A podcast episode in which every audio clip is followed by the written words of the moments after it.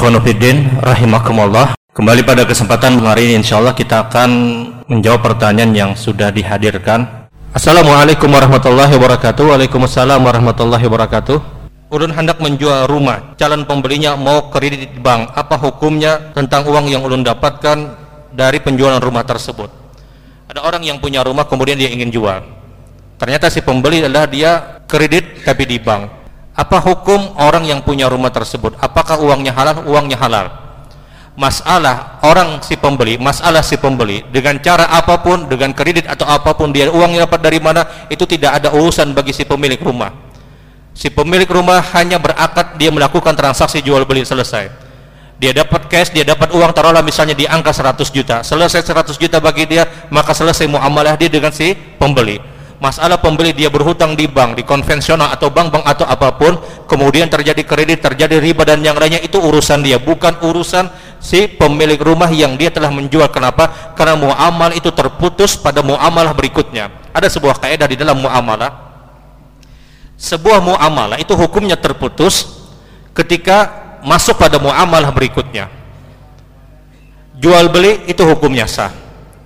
Masalah orang itu dapat uang dari mana itu urusan dia ada orang punya toko ada punya ada orang punya kios kemudian dia melakukan transaksi jual beli dari seorang yang dikenal memiliki harta haram. Dia punya usaha-usaha haram.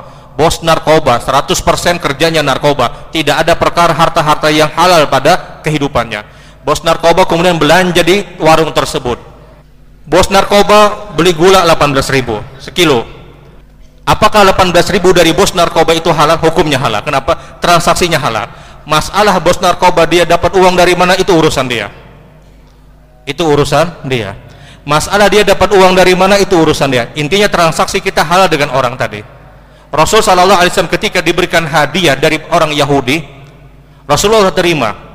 Rasulullah makan hadiah tersebut. Rasulullah makan makanan yang diberikan oleh Yahudi. Padahal Yahudi itu dikenal adalah orang-orang yang suka dengan harta-harta ribawiyah. Rasulullah tidak cek ini harta dari mana karena transaksi ketika itu hanya mu'atah hanya Yahudi itu memberi kepada Rasulullah selesai muamalahnya. Masalah uangnya dari mana itu urusan dia.